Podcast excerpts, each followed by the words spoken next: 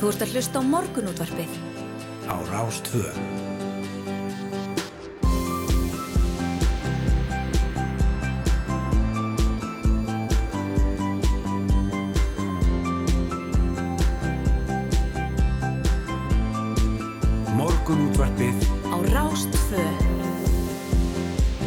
Blessaðan daginn, morgunútarbið Helsar, eh, Rúnar Robertsson og Yngvar Þór Björnsson á vaktinni í dag og Yngvar kom úr sumafríi, velkomin. Jú, takk fyrir það, nótalegt og, og ánægilegt að vera komin aftur hingað inn í hljóður Er það ekki bara? Jú, jú, það er ágætt, við búum ríkur vetur framöndan Heldur betur. Kjöramálinn og elgós og fleira Já, já, En það er nóg að ræða, allavega þetta verður eitthvað. Þetta verður eitthvað, ég held að sjá að segja það Við bjóðum fólki og ykkur velkomin á fætur að sjálfsögðu vona að dagur verði góði fyrir ykkur. Nú, eh, að nógum að vera hjá okkur í dag í þettinum, við reynum við það á höndavaði. Jú, jú, það er óvægt að segja það. Við ætlum að fá til okkar Solveig Önnu Jónsdóttur Formann eblingar einmitt að ræða kjaramálinn núna í aðdraðanda þessara viðræna Við ætlum að ræða við að lækna félagið um eh, já, fjármögnun heilbreyðskjárusins Sinna að Sævar Helgi Bragason. Hann ætlar að segja okkur já, fréttir úr heimi vísindana. Við ætlum að brjóna þess í, í Lettlandi Og eh, já, síðan er það færiðar Sér það færi þér. Gamli herjólfur og, og hoppmálið þar Já, tökum aðeins stöðun á því. Já, það er náttúrulega hafa verið deilur hérna við færisk stjórnvöld uh, núna í, held ég, rúmt ár. Já, Færingar fá enn ekki að uh, þeitast um á raflöpa hjólum. nei, Það er Ebenezer Þórarinn sem verður á línni í okkur eins og, já, hann hefur verið nokkur sinnum aður já, og uh, hann hefur verið að berast fyrir þessu þannig uh, úti að, að fá hjólin á gödunar. já, einmitt. Hann er frangandastjóri hopp þar og, og, og já, er svona að reyna að koma þessu, koma þessu í gang og, og eh, það verður áhvert að heyra líka af hverju það eru undirskriftir uh, gegn herjóli þriðja Já, sem var notaður í, í siglingar millir lands og eiga. akkurat. Nú, blöðin í dag, eh, í dag er þriði dagurinn 9. ágúst og uh, Morgunblæði segir hér á, á forsíðu að ráþeirar vonast eftir kippi í fríveslun vestur um haf en frumvarp á bandrækjaþingjum fríveslun við Ísland er í, í farvatninu og uh, það er uh, Katrín Jakobsdóttir fórstur á þeirra, hún fagnar þessu frumvarpi sem er eh, komið á, á bandrækjaþingi framkomið þar um breytar áherslir á norðurslóðum þar er meðan hans kveðið á um gerð fríversluna samning við Ísland e, og Íslensk stjórnvöld hafa lengi ítt á að ríkinn gerir með sér fríversluna samning og sá áhugi verist vera gákamur segi Katrín, við vonum eh, að það komi kipir í þau mál við þetta en telur of stemt að segja til um framhaldið Já, þetta er mjög áhugavert. Hér á fórsíðu fréttaplassins er grein frá því að, að fjárhægur sé erfiður hjá þriðjungi heimila. Þetta er samkvæmt nýri könnun prósents. Um 24% eh, já, ná eh, endar með naumundum saman um hver mánuðamót en 10% sapna skuldum eða þurfa að ganga á eigið sparifjö til að ná endum saman. Og eh, já, staðan er áberandi verst á Reykjanesi. Það eru 57% íbúa annarkort á núlinu eða í mínus um hver mánuðamót en í heildinleiti er fjárhagur heimila verri á landsbyðinni en á höfuborgarsæðinu og í tveimur landslutum eh, ég mæltist fjárhagurinn þó betri en á höfuborgarsæðinu það er á Vesturlandi og Östurlandi en það er eh, já, svona um þriðjungur heimilana ef við lítum á þetta yfir heildina sem á ekki afgang eftir hver mánuðamót og þetta er töluvert já, frábriðið þeirri stöðu sem var hérna í koronaviru faraldurinu þegar já, spartnaður heimilina var í, í sögulu ámarki og fólk mókaði pinningum í, í rafmyndir og, og hlutabrjá og, og annað slíkt. Já, já, og svo losnaði þetta allt saman og þá verður til verðbólga. Já, já, einmitt. Eh, allt í henni átti eitthvað, afgangs eh, eftir COVID-ið og Já. fór að eða því. Já, já, og verðbólga ekki verið að herri í, í 13 ár. Nei, þannig að Og- fljótt skipast við í lotti. og svo bættist náttúrulega við stríð og hækkun og ráfuru og einmislegt og það allt saman. Þannig að við erum eiga við það verður frólt að sjá verðbólgutölur fyrir eða sem verður byrta núna í ágúst. Var 9,9% síðast. Forsíða morgunblæsins segir í dag hér eh, deilt um skórækt í Skorradal en eh, skóræktin hefur kert til úrskurða nefndar umhverfis og auðlindamála þá ákverðum Skorradalsrepp að sinja umsókn hennar um framkvæmdalegi til skóræktar á tveimur jörðum í repnum úr málið í lögformlögu ferli. Reppurinn hefði hafði vald til að stöða framkvæmdir og þar við sitir þar til við fáum úr þessu skorið þetta segir Þröstur Eistensson skóræktarstjóri hann telur uh, sérstakt að hægt sé að stöðva skórakt og svæði sem ætla að sé til skóraktar Skipulagsfulltrúi Skorradalsrepp Sigurbjörg Áskelsdóttir er aftur á móti samfærðum að framkvæmdennar samrýmist ekki stefnu þeirri sem mörguð er í aðal skipulagi. Skóraktin mun beita sér fyrir því að fá í gegn framkvæmdaleifi og ætla sér því ekki að afast neitt á svæðinu fyrir en það er í höfn. Já. Uh, hér á, á fórstíðu fréttablasins er uh, líka rætt um það að sérfræðingar hafi vannmetið líftölur íslenska lundans. Ef markam á niðurstöður umfórsmikill að endur útreikningam síðan í vor. Og þá bendur margt til þess að kísilskortur í hafi senki tímasetningu vistgerfa sem leiði til hrunns í stopnum sem treysta á rauðátuna sem uh, já, nærist á, á kísil þörungum og, og já, í rauninni þessi kísilskortur í hafi ógni þannig lundanum. Það er eitt hérna við Erpsnæ Hansen lífræðing á náttúrustofu Suðurlands um já, þetta mál. Sem hann geta þess líka hér að að bárst talsveit tíðindi frá bandaríkunum núna í, í nótt. E, bandaríska allríkislauruglan gerði húsleita á, á heimili Donalds Trumps fyrirvöndi fórsetta bandaríkjana húsleitin gerð þarna vegna grunnsum að Trump hafi í ólefi geimt trúnaðar gögn kvítahúsins e, inni á heimili sínu mm.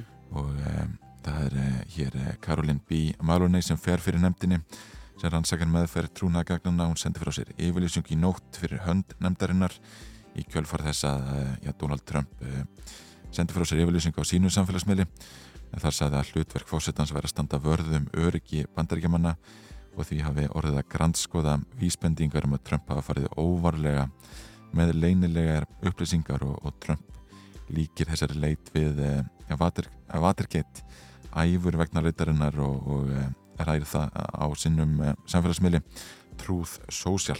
Já, en er þetta ekki bara eitthvað svipa á þegar að Hillary Clinton var með netjón, enga netjón heima með póstana sína að, þetta er ekki leifilegt og það þarf að skoða þetta náttúrulega. Já, já, nákvæmlega. Upp og upp og að, að, að vendun, veist, þetta get ekki lekið út og annað slíkt, þetta var ekki ör, örgu svæði. Þetta er ekki bara sama, sama á það eða svipað.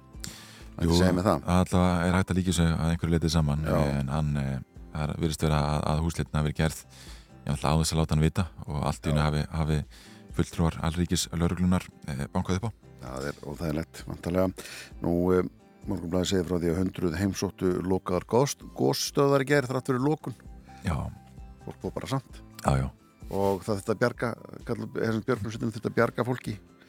Tíu ferðarmenn sem viltust í þókunni og súldinni og öll lík og þeir sem komust alla leið sá ég frétti mikið að, að þeir sem að komust alla leið eh, þarna upp yfir sáu svo bara eilegt gósið því að það var svo mikil þóka og, og súld og heyrðu bara í því. Já, sá einhvern bjarma en, en menna, þetta er algjörlega tilgangslegsverð og hérna það er margir sem að kannski eru leið og landi og það er slíkt að ferðarmenn sem vilja ekki missa þessu og bara letur sér hafa þetta þáttur í lokanir. Einmitt, þegar þú hefur einhvern einn dag til að skoða þetta og það er lokað þá einhvern veginn þá spyr þetta hólsi vantilega því hvort að þessi þess virði að, að, að eh, ég leggja lífið sitt í hættu. Já, það er náttúrulega, já konum alltaf átt að segja því að það er ekki verið að loka þessi bara hann ganni sínu. Einmitt, og eins og við sáum, eh, já, í kvöldfröttum í gerð þegar Haugur Holm var á, á, á við góðstöðar, já, einmitt þá var, já, sástu alla tvo metra frá þér. Það var alla Mikil þoka á saðinu. Já, einmitt en eh, Ég sé hér að Alþýðisamband Íslands vil að kannar verði forsendur e, þess að settir verði tíðniskattar á stórnótundur flugþjónustu. Já. Það vil aðeins síða skatlætinga útlösun gróður og loftegunda ná til allra uppsprettu útlösunar í atvinnustarfsemi. Þetta er meðal þess sem kemur fram í fjölumörgum áherslum og tillögum sem á finna í þingskjölum sem lögðu vera fram á 45. þingi ASI sem hefst 10. oktober. Já, akkurat. Já, já. Uh, við ætlum að fara að brálega að skipta yfir á, á fréttastofun og að fá sjöfréttir ræðum síðan margt og mikið eins og fórum hérna yfir áðan og, og ræðum já, betur um, svona að verðum spóri já. en uh, skoðum þá líka veður og, og færð.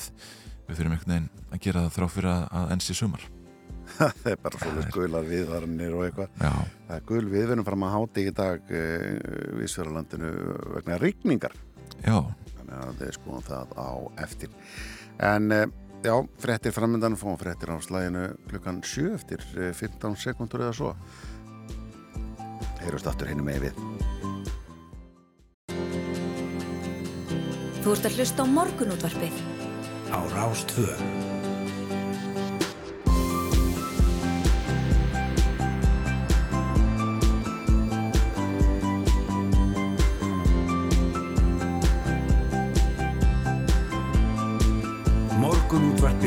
á Rástföð höldum áfram hér í morgunundarpinu bjóðum góðan daginn en á nýju velkomin á uh, Fætur, Rúnar Robertsson og Yngvar Þór Björnsson á, á vaktinni. Já, við ætlum að fara við það í, þætti dagsins og, og byrjum í Úkrænu.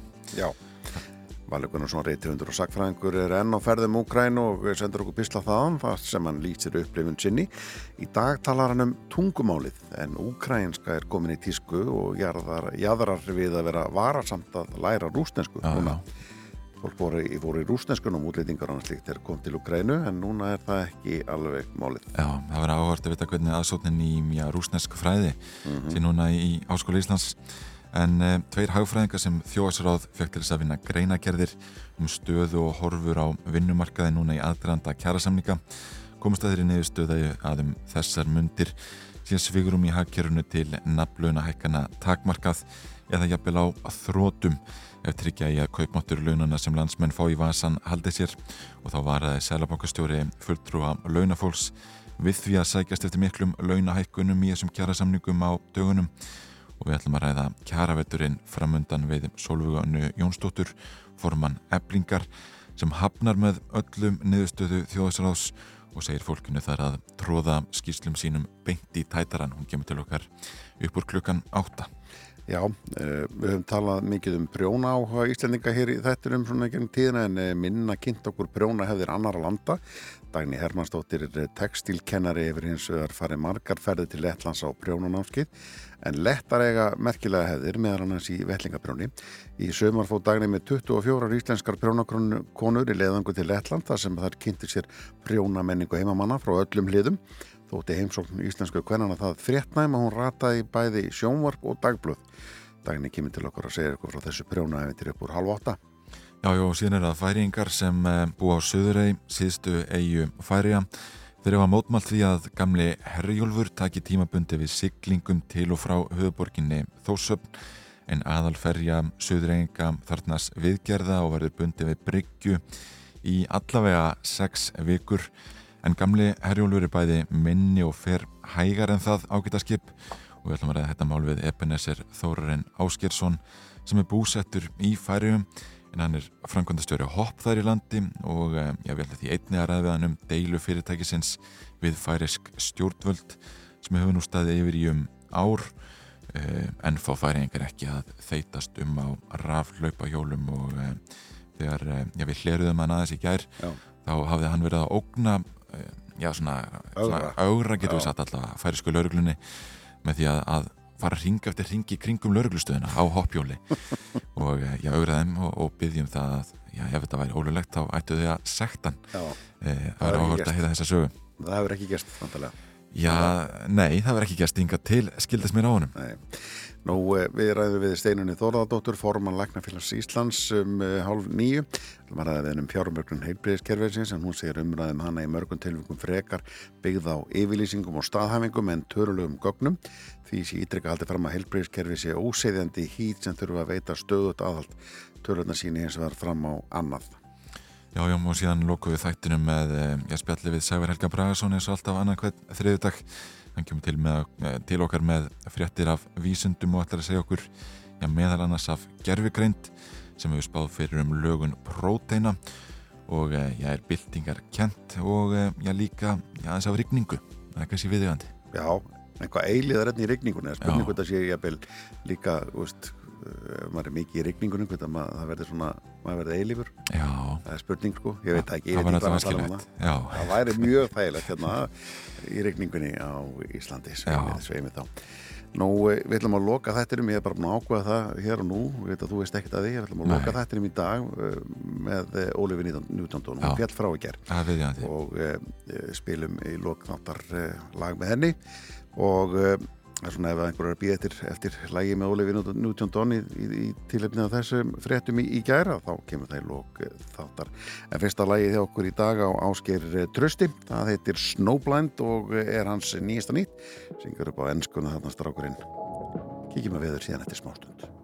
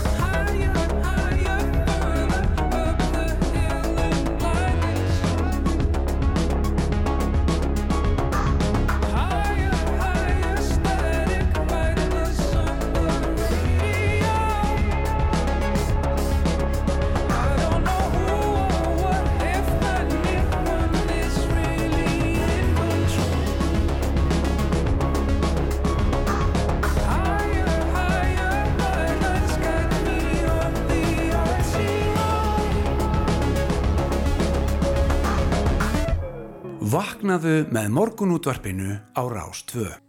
Já, takk fyrir það að vakna með okkur. Við ætlum að gá til veðurs þessu næsta. Það er gulviðvörun vegna veðurs á Suðurlandi til eh, 12 hátti. Það regnir talsvert, já vel, vel mikið til fjalla, segir hérna á veðurstofunar. Búast má við vatnavöxtum í ám og lækjum sem geta flætt yfir bakka sína. Vöð geta orðið varasum eða ófar og samgöngu trublanir hugsanlegar. Já, Theodor Freyr Hervarsson veðurfræðingur orðaða þannig í kvöldsröttum í gæra við liggjum í læðarbrautinu um þessar myndir Já. og uh, við lesum það hér líka úr hugleðingum veðurfræðings. Það er ekkert lát á læðaganginum kringum landið og flestar læðirnar fara til norðurs uh, fyrir vestan land og mun því uh, já, lítið lát verða á vætutíðinu um landið sunnan og vestanvert. En samt sem að aður mun já, restin af landinu fá vætu líka en oftast í mun minni skömmtum En með sögulegum áttum kemur líka mun mildara loft og loftmassin svo hlýr að útliti fyrir að regni á hæstu jöklum líka en oftast snjóar þar þegar skil ganga yfir. En við sjáum þetta, já, þetta er, er auglóst þegar við skoðum hér kortið á veðustofunar. Það er regning um allt land núna í morgusárið. Já, mað, þetta var líka uh, merkileg hérna, veðukortið í frettunum í gæri þar sem að þegar maður sá svona... Uh, raukt, rauðatungu yfir öll Íslandi er samt uh, eh, grendi rigning og annars lít uh, eins og hann segir hérna, eða þeir segja hérna það er, hlít með þessu. Já, já, einmitt mm. og, og eh, ég maður góð 15 stig á, á húsæk til að mynda. Einmitt. Nú við erum horfur á höfuborgarsvæðinu við tökum það bara út fyrir svega Suðaustan 8-13 og regning Jafnvel, talsverði regning um tíma fyrir hátti snýst í Suðvestan 5-10 með smá skúrum setnibartin vestlæðar og heldur hægari á morgun og hiti 9-13 stig Já, já, það er nú ekki mikið um uh, tilkynningar hér á VF vegagerðarinnar Hey. Vegna vinnu við í borgarfyrravegar vegurinn grófur og maður búist í miklu steinkasti og meldi með að fólk fari hróastunguveg og, og lagarfósveg og það var unnið að fræsjunga á borgarfyrravegi við hér aðs flóa og vegfærandur bennur um að aka með gát og eh, hér er sagt að ja, allar helstu leiðir á hálendinu eru nú opnar. Einmitt, þar höfum við það hér á ettir eh, eitt lagaða svo að þá fáum við pistil frá Úkrænum Valur Gunnarsson eh, reyndundur er þar stattur en eh, laufi lína á næsta leikin hér í tónlistinni. Everything I Know About Love.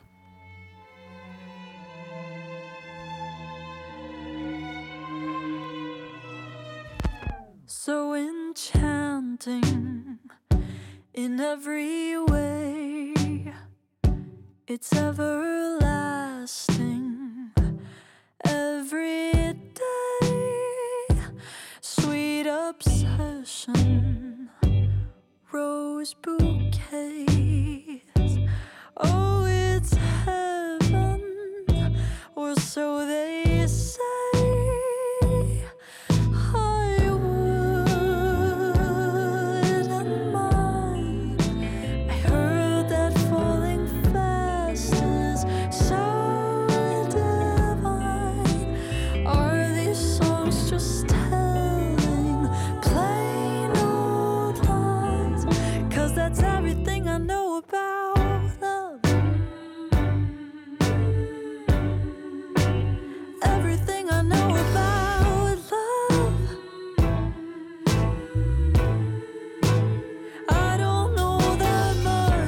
at all. I trip, I fall. Every time I try, it's all too much. That's everything I know about love.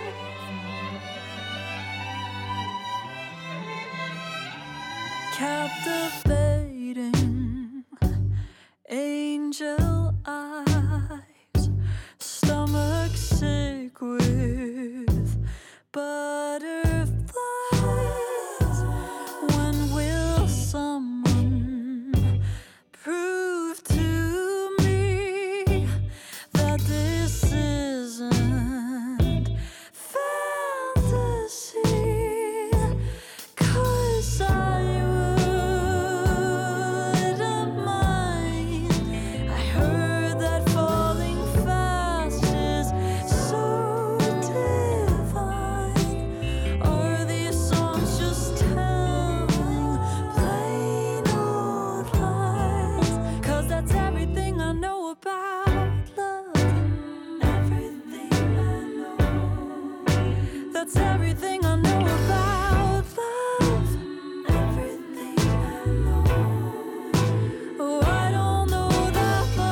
at all. I trip, I fall.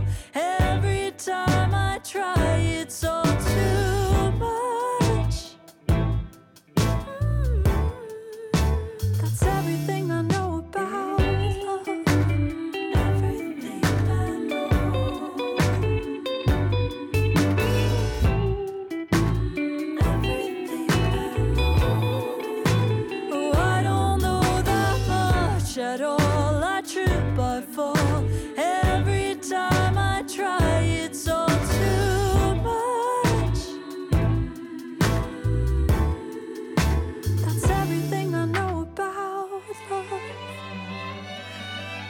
Lína Everything I Know About Love. Uh, Valur Gunnarsson er búin að vera að senda okkur pistla með áhugaverða frá Ukrænu er þar á, ferð. Síðustu viku þá talaðan um uh, gríðalega aukning á brúðköpum Já, í kjölfarið á, stríðinu. Já, já. og hérna, en í, í dag pistilin sem að senda okkur í dag eh, þar ræðar hann um tungumálið, ukrainsku og rúsnesku og, og hvernig þetta hefur, hefur breyst, skulum heyra í þessum, heyrum í, í vali, sendu boltan á hann Í fyrstu held ég að ég var eini nefandi skólans. Brátt kom þau í ljós að ég er aðeins eini nefandin í rúsnesku. Lengi vel vildu allir sem kom í tungumálanámt í Kíf læra rúsnesku. Rúsneska eru heimsmál, talað á samanlagt hundruðu miljóna manna í Rúslandi, Kvítarús, Moldófu, Mið-Asju og Eittarsallandunum og Kákasus, öllu hinnu mikla svæði sem eitt sinn til er í Sovjetríkjunum. En nú er úkrænska eins og að komin í tísku og ekki aðeins meðal heima manna sjálfra. Þeir útlendingar sem hinga að koma, ekki síst frá Breitlandi, vilja nú olmir taka tíma í úkrænsku og það jæðrar við að vera vafasamt að vera að læra rúsnesku. Jafnvel þeir úkrænumenn sem rúsnesku tala móðumáli og þeir eru margir eru getan fljótir að bæta því við að þeir vilja heldur til á úkrænsku enda sé það fallera mál. Í úkrænsku líður hvert ornanast inn í það næsta, segir Rúslana sem kennir bæði málin. Rúsneska er meira geltimál, rétt eins og þíska, þar sem orðin eru skýrt aðgrind. Kanski er eitthvað samengi á milli tungumála og alræðistefna. Líklega er íslenska geltimál líka. Kanski eins gott að við verðum aldrei stórveldi. do they use it? You can use knife to cook the salad, and you can use knife to kill somebody. The same with language.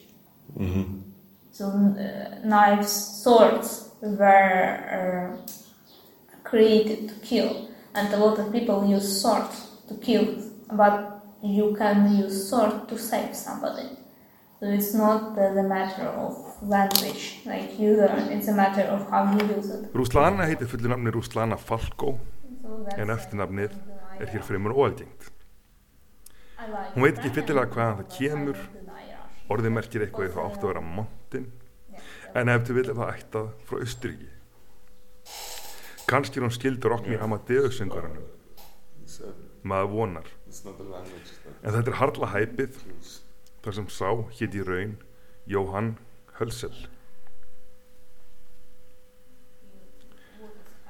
En það er ekki aðeins rokkstjörnur sem breyta um nöfn.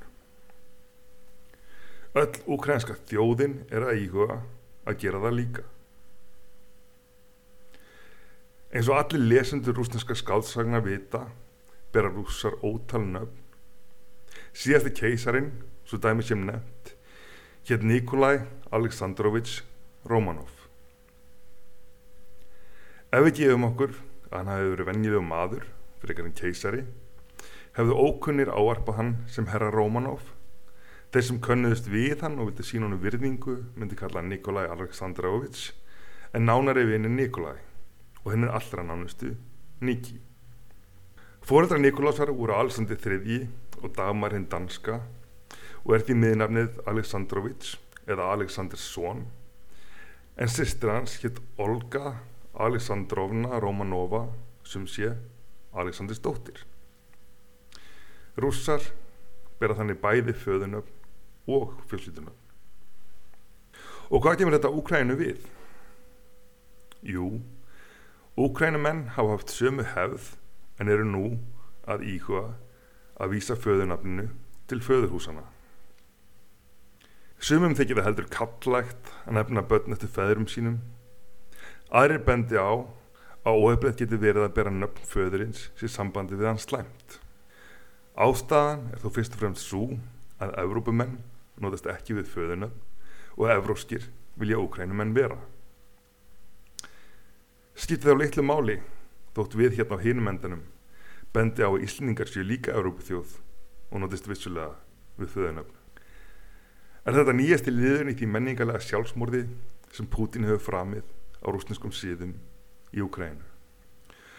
Rúslana segist þó ekki tá á móti rúsnesku máli. Tungumál drefur ekki fólk, það er aðeins verkfæri, rétt og svo hægt sé að nota hníf, bæði til að matriða og myrða. Ég held því áfram að burðast með rúsneska á gömlum vana, þótt ég hafi dálítið saminskupið yfir því. Í fréttum er þannig helst að rússar eru orðinni langþreyttir á hæmastjárnum svonendu sem úkrænumenn hafa fengið frá bandaríkjunum. Við geta miða þó út hvar sem er og eru stórlega hefta innast þeirra í landið.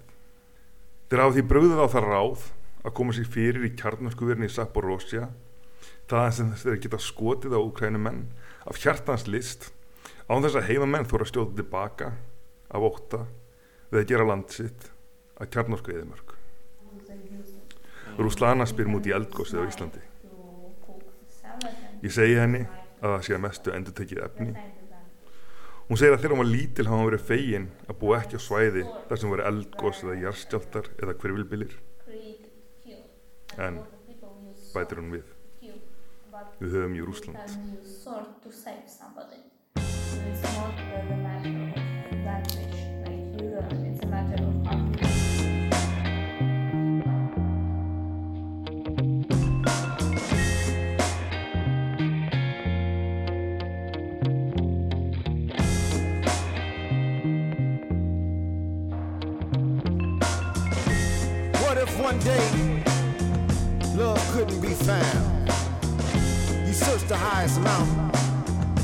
even looked underground.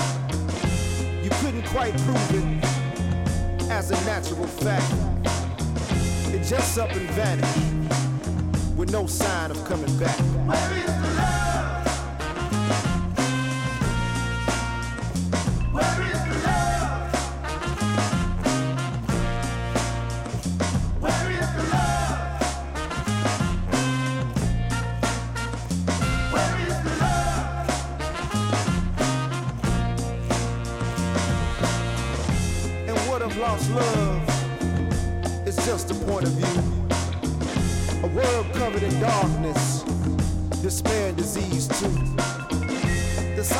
Pathology couldn't even explain the effects to our bodies the feeling of disdain, an insatiable hunger, no one or nothing could feel, a deep bottomless hole, a real raw deal. It's only because of love that I'm obliged to tell that if we ever lost it, this would be a living hell.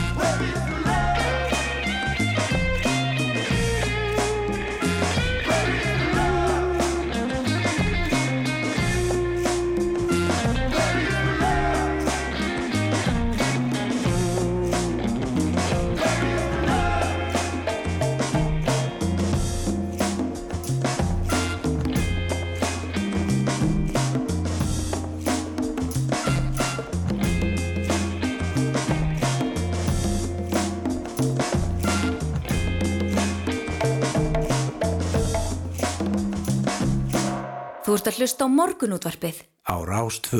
Já, það á að vera pistitalna frá Vali Gunnarsinni frá Ókreinu, hann er í rúsnesku námi og einu nefnandinn í Já, akkurat. Meirum það að eh, já, fólk vilja læra um úkrænsku Já. eh, þessa stundina.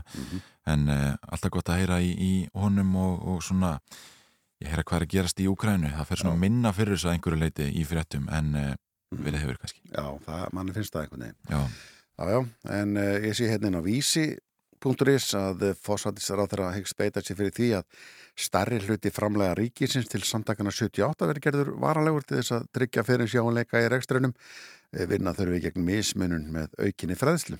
já einmitt, það var einmitt frétt eh, hjá stöðu 2 núna fyrir já, einhvern tveimur dögum eða svo Mm. það sem kom fram að samtökin væru reikin með yfirdráttarláni en samtökin hafa vaksið um 700% á síðustu 6 árum með tilirandi þjónustu þörf og rekstrar vandin ég hefur meðal annars í för með sér að byggtími ráðgjöf hjá samtökunum er alltaf 6 vikur. Já, en samtökin fáum 15 miljónur ári í svo kvöldu varaleg framlög, nokkuð minna en sambaraleg samtök á Norðurlöndunum. Og forstur á þar að segir heldaframlög til samtökunum þó töluvert herri og hún segir að frá því hún tók við í forsættisraðanetinu hafa þessi framlög aukist jamt og þétt. E, þau voru ekki nema reyflega 6 miljónir þegar núandi ríkistótt tók við 2017 og stóði í fyrra er í reyflegum 40 miljónum, það vísu er bara hluti af þeim framlögum svo kvöldu varaleg framlög.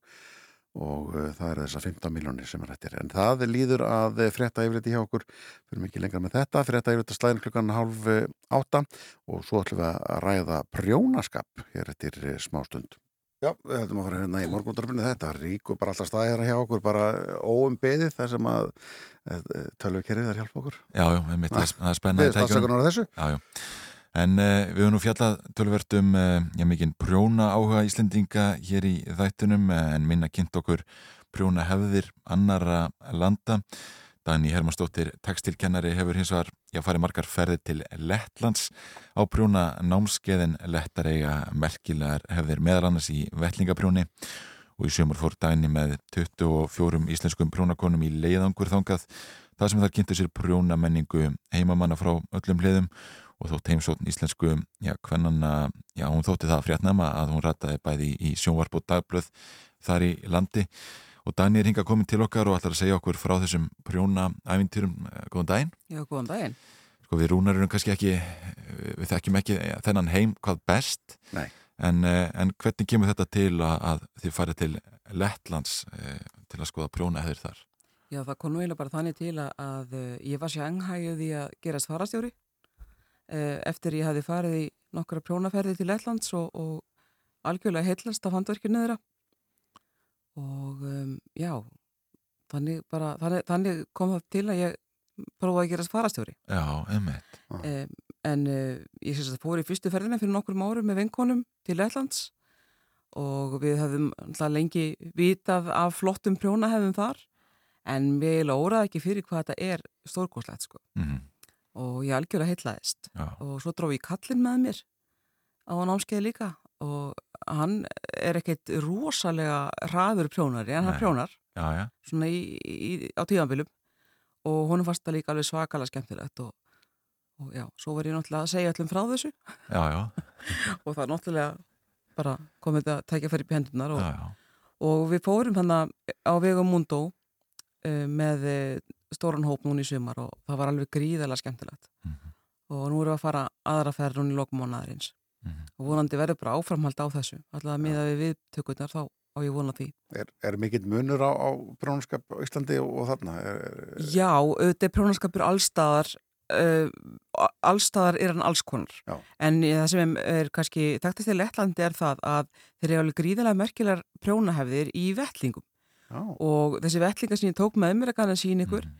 þetta er bara allra færustu prjóna listamenn sem geta gert svona. Þetta er kannski verið að vinna með alltaf við fimm lit í einu, Já, það er að vinna með prjóna örfína prjóna alveg niður í 1 en mjög oft svona 1,25 til 1,5 1,5 sem eru að millimetrar. Já, og eh, já, ég er ansið vön prjónakona en þetta er mér mjög erfitt. Já, þannig að þessa vettlinga hérna kefti ég nú bara hreinlega í Lettlandi af svona flingum prjónurum. En uh, ástæðan fyrir því að þessar rosalegu vettlinga hefðir um, mynduðust voru að uh, unga stúlkur þurfti að byrja að prjóna vettlinga í kistilinn sinn bara á barsaldri þess að safna fyrir giftinguna.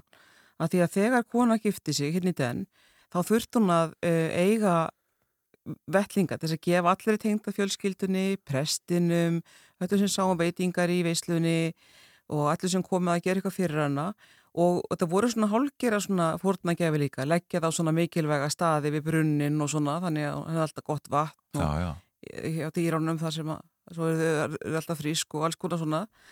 Og um, og svo var þetta líka eins konar gjaldmiðl því að uh, vettlingar, svona flottir vettlingar um, voru og eru verðmætir og þetta var svona þeirra kapital.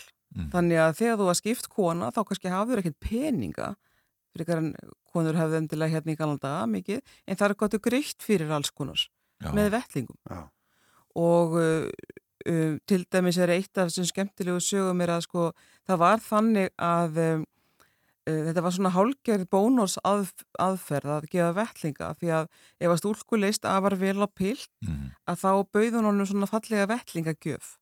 Og ef hann þáði þá þá voru þau lofuð. Já, já, þannig að fóreldinni spurðu ekki er hann búin að byggja þín heldur er hún búin að gefa þér vettlinga? Já, akkurat, akkurat. Þannig að, að, að frumkvæði kom, kom kannski frekar frá já, Frá allavega, allavega líka sko. já, einmitt, og, uh, og það vandla skiptir og miklu máli til þess að sanna sína hvern kosti og, og hvað þú væri nú ótrúlega flott og flink að vera með sem allra flottustu, flóknustu og frumlegustu vellingana. Já, Þannig að metnaðurinn var gríðarlegur og líka bara þú ert að nota sem svona gjafir, þú ert að kynast tengda fjölskyldunni og alltaf borga prestinum og alls konar að þá viltu hafa þetta eins svakalega flott og hægt er. Þannig að kannski metnaðurinn var svo svakalega mikill bæði munsturgerð og litavali og bara í öllu. Og, um, og svo er það líka annað sem er alveg stórmerkilegt að konur alltaf mínum aldri, þær voru farnar að prjóna jarðafaravellinga já, af því já. að þær þurftu að eiga líka lager áður þar ríki upp af þess að borga öllum sem báru kistuna og prestinum og grafaranum Já, hérna, það var ágjörð því sjálf. En, en við sjáum að þetta eru mjög vandaðir vellingar sem Já. þú komst hérna með, er, þetta eru litrikir vellingar og greinlega tekur langan tíma að búa á til. Mm. Eh, hvenar klæðist fólk þessum vellingum? Tímir fólk að Já, nota það bara við þetta útistöð? eru, þetta eru svona betri vellingar Já, svo náttúrulega voru ekki, ekki smart vellingar í vinnuvellinga Nei, nei. eðlilega en þetta eru fyrst og fremst eh, svona spari vellingar og, og, og, og nú er því hjá mörgum náttúrulega hverstagsvellingar þegar fólki er ekki í erfiðis vinnu þá bara getur náttúrulega auðveldlega borið þetta hverstags já, já. en uh, svo er þetta líka borið svona í beltistað við þjóðbúningana Já, svona álgett skart Já, þetta er, þetta er mjög skröllir. og þeir eiga líka bara svo alls konar um, svona óvenjuleg triks sem við notum ekki alls konar skrítin og skemmtileg uppfitt Mhm. sem að byrjar og alls konar svona aðferðir uh, sem skulum kalla fléttur sem eru svona liggi svona í þrývít utan á um, hérna alls konar fléttur og snúninga og svona svo líkjur eða kögur sem komu utan á já, Já, já. er, ertu búin að prófa? Er já, já, já, já, og- ég er náttúrulega búin að gera pröfur af sko öllu ítrekað Ég hef satt að segja aldrei klárað heilt par af Nei. svona svakalega flottum vellingum. En ég er náttúrulega prjónað alveg hellingavellingum. já, já. En, en þetta sem ég tók með hérna að sína ykkur, þetta er eiginlega bara eitthvað sem ég ákvað frekar að borga einhverjum öðrum fyrir að gera og líta svo á að ég sé að halda hefðum þeirra lifandi með því að borga þeirra professional prjónurum. Mm. Já, já, einmitt. Það er alltaf rík hefð á Íslandi fyrir því að, að prjóna og, og ríkar hefði einmitt líka í, í þessum löndum þarna. Eh, síðast fóruð hvað 25 saman og, og skoðu þessar hefðir alltaf að fara aftur núna, Já. klálega. Eh, heldur að þessar, þessar hefðir fari að, að einhvern veginn saminast að við sjáum lettnesk eh, áhrif í íslenskum prjóni og, og, öfugt?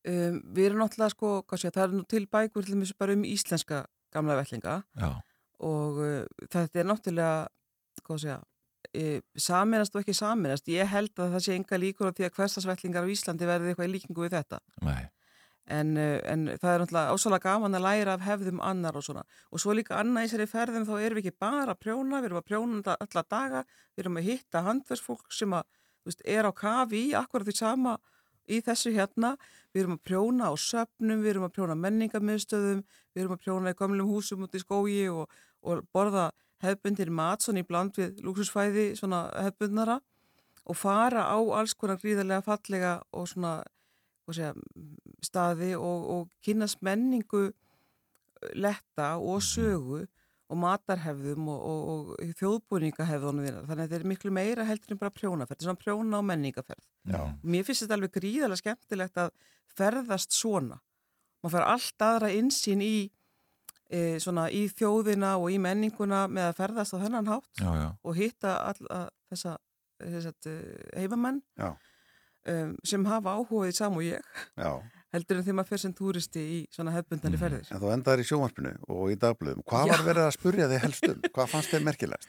Sko, þeim fannst nú bara merkilegt að það væri komið stór hópur af íslenskum konum sem bara hvernig vissiðu verkningan okkar og af hverju viljið þið læra þetta? mhm, Hvað er það að gera hér? Þeim fannst þetta mjög merkilegt Já. og, Já, og, já, og ég endaði þarna í, í fréttatíma og lettinska ríkisjónvarpinu og, og svo í einhverju annari sjónvarpsrás og, og blaða viðtölum og þetta var fyrir mig algjörlega óvænt, ég hafði ekki hugmyndum að þetta var bara að gerast. nei, akkurat. Hefðu þið áhuga á íslenskum brúnaskap þá í leiðinni? Já, og það eru bara nokkur þann úti búin að vera að svona, uh, svona velta fyrir sér alls konar samstarfi og, og, og það eru svona alls konar hugmyndir í gangi. Mm.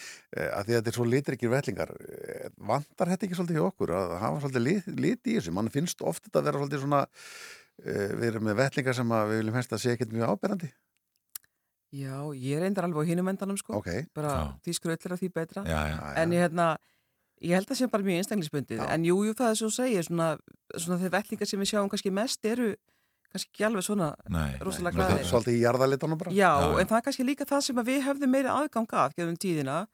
En eins og lettar þeir mistu sér gjörsalega þegar kemurskuritinni komið til. Mhm. Að þá bara missa þessi litakleiðinni. Þa- Þarna eru vellingar sem eru sko rauðir, bleikir, grænir og gulir og, og, og allt í senn hann. Já.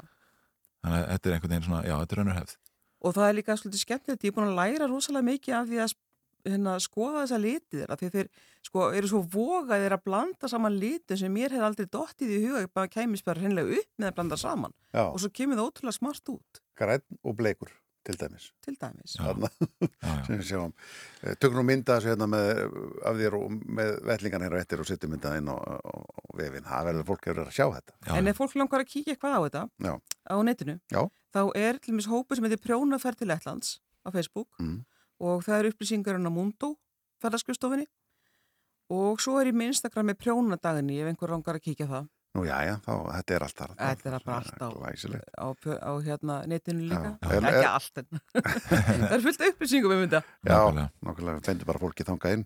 Bara frábært að fá þig hérna, Dagný Hermannsdóttir, takk fyrir að koma og segja ykkur að þessu og sína ykkur þessar glæsilu vellinga. já, já. Við ætlum að fara til færi hér eftir eitt lag. Eftir eitt lag eða svo. En uh, það er Amy Winehouse sem á uh, næsta leikin, Love is a Losing Game.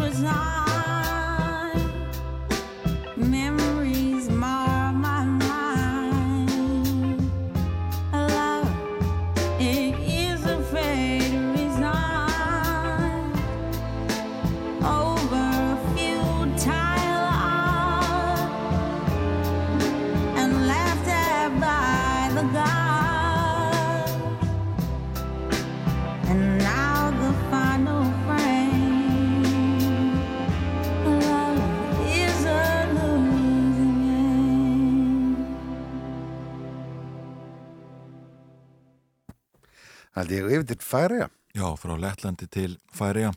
En færiðingar sem búa á söðra í síðstu eigum Færiða hafa mótmælt við að gamli Herjólfur taki tímabundi við siglingum til og frá höfuborginni Þórsöfn en aðal ferja söðureyinga. Já, þarnast við gerða að vera bundi við bryggju í sex vikur, allavega það, en gamli Herjólfur er bæði minni og fyrir hægar en það ágæta skip. Nú Ebenezer Þórun Áskjörsson, búsettur í Færiðum, framkvæmdastjóri Hopp þar, er komin á línna, góðan daginn. Góðan og blessaðan dag. Við þurfum eiginlega að byrja aðeins á þessum deilum eh, já, fyrirtækisins við færisk stjórnvöld hvað varðar rafhlaupahjólin. Eh, við rættum síðast við þið fyrir einhverju mánuðu síðan og, og þá voru hjólin ekki á, á götum þósafnar en eh, já, það var nú einhvað dreigið til tíðinda í sumar. Hvað hefur verið í gangi þarna síðustu vikur og, og já, mánuði í þessari deilu? Heru, ég náði að hérna opna aftur og síðan kom lauruglan og hótaði því að allir nótendur myndu fá sekt. Og þannig að ég var uh, þvingaður af lauruglinu til þess að draga þau inn.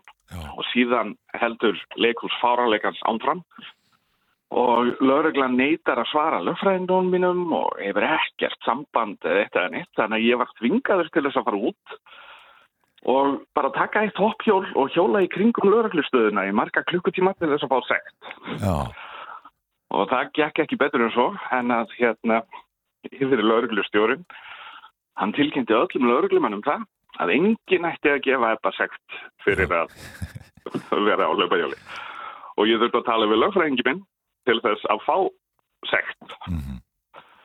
og nú er hún komin og hún fer fyrir rétt já, þú vilt fá sektina til að geta farið fyrir rétt. Já, þeir vildi ekki gefa mig sekt því að þeir vildi ekki að ég hafði neitt skriflegt til þess að fara með fyrir rétt Einmitt. Og það að lauruglustjórin tilkynni öllum undirmönnum að ég skuli ekki fá sekt því hann vill ekki mæta mig í dómsal, það er svolítið sérstækt. Já, það lítur á að vakið talsverða aðtegli þegar þú ert að fara klukkutumnum saman ringa eftir ringi kringu lauruglustöðuna á hoppjóli. E, já, og svo stoppaði ég hérna og veist, fullt af lauruglubílum kerði fram hjá. Enginn saði nokkurt skapaðan hlut og ég stoppaði meira sig að yfir lauruglustjóran, lauruglustjóran í þósum sem að hérna uh, saði mér bara að hérna, hann myndi ekki gefa mig sekt en einhver myndi koma að tala við mig. Já, En bara það næsta sem hann gerir er að tala við alla sína undirmenn að segja að enginn skal gefa mig sekt. já, já, einmitt. Og hvað Og segir síðan nákvæmlega á stoppaði sektinu? eitt lauruglubíl.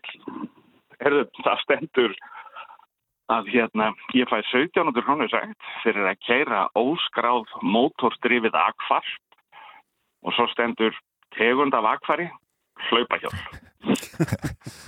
Þetta er skemmtilegt.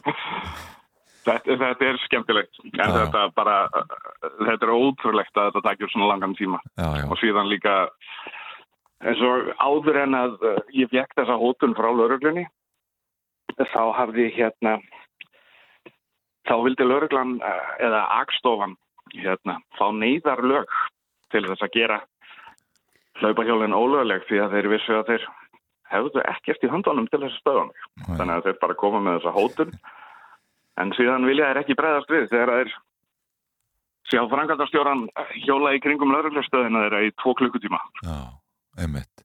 Og, og uh, þessi sekt sem sagt, hún segir að þú hafa verið þarna á hlaupahjóli, eh, hvað tekur núna við hjá ykkur? Hjá þér og lögfræðingir?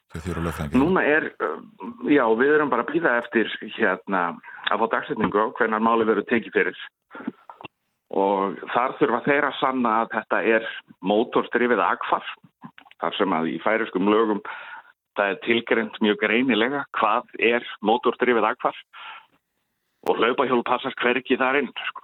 Nei, nei, nei. og þeir hafa aldrei farið eftir hérna innflutningspakkurunum og innflutningspakkurunum er þetta skráð sem þetta fellur undir sama flokk og hérna hjól með hjálpamótor og þeir hafa aldrei farið í það að breyta fyrirskráningu eða láta mig borga fyrir að flytja en aukutæki Mm af því að þeir vita að þeir geta það ekki sko. En þessar deilur hafa staðið og yfir í... síðan er eitt ár núna. Já, já, það er sem er en eitt ár. Það er einmitt það sem ég ætla að nefna. Þú ert ekkit við það að gefast upp. Heyrðu, uh, ekki ég. Og sem betur verið hopp alveg indislegt fyrirtæki sem að hefur staðið á bakvið mig í þessu í eitt ár. Og hérna en síðan er eins og í uh, frífæslunarsamningum haufugarsamkomulæginu milli Íslands og Færiða þar stendur skýrst og greinilega öll vara og þjónusta sem er löglega á einu markaðsvæðinu skal vera löglega á hinnu nema þjóðar öryggi eða siðferði standi þar í veg. Já, já. Og hvort Og- það sé þarna í þessu tilfelli sem að stend ógnar færi Yes. þjóður eru ekki þessi tilfelli Siðfer, siðferðislega held ég að þetta sé allt í lagi en hérna dæmandi af akstofunni þá myndu allir færiðingar vera döðir innan nokkra daga þannig að ég veit ekki hvort það er þjóðar öryggi sko. Nei, nei, einmitt. en ég held að hvort eigi við Já, ef við höldum okkur aðeins við samgöngumálin og, og samskiptið þessar tvekja þjóða e, þá e, eins og við nefndum hérna þá að færingar sem búa á Suðurei mótmált því að gamli herjólfur takki tímabundi við siglingum til og frá höfuborginni Þórsöfn. Af hverju eru færingar svona Já. ósáttur við það að, fá gamla herjól þarna í staðan fyrir smyril? Herðu, það er, þetta, þetta er nú lítið með samskipti landana að gera, þetta er bara svona smá klúður í samgöngumálum varðandi skipa val. Af því að þetta er ekki fyrsta sinn sem að stjórnin í færium, eða SSL, klúðurar því að tryggja samskipti fyrir söðurrengar. Hmm.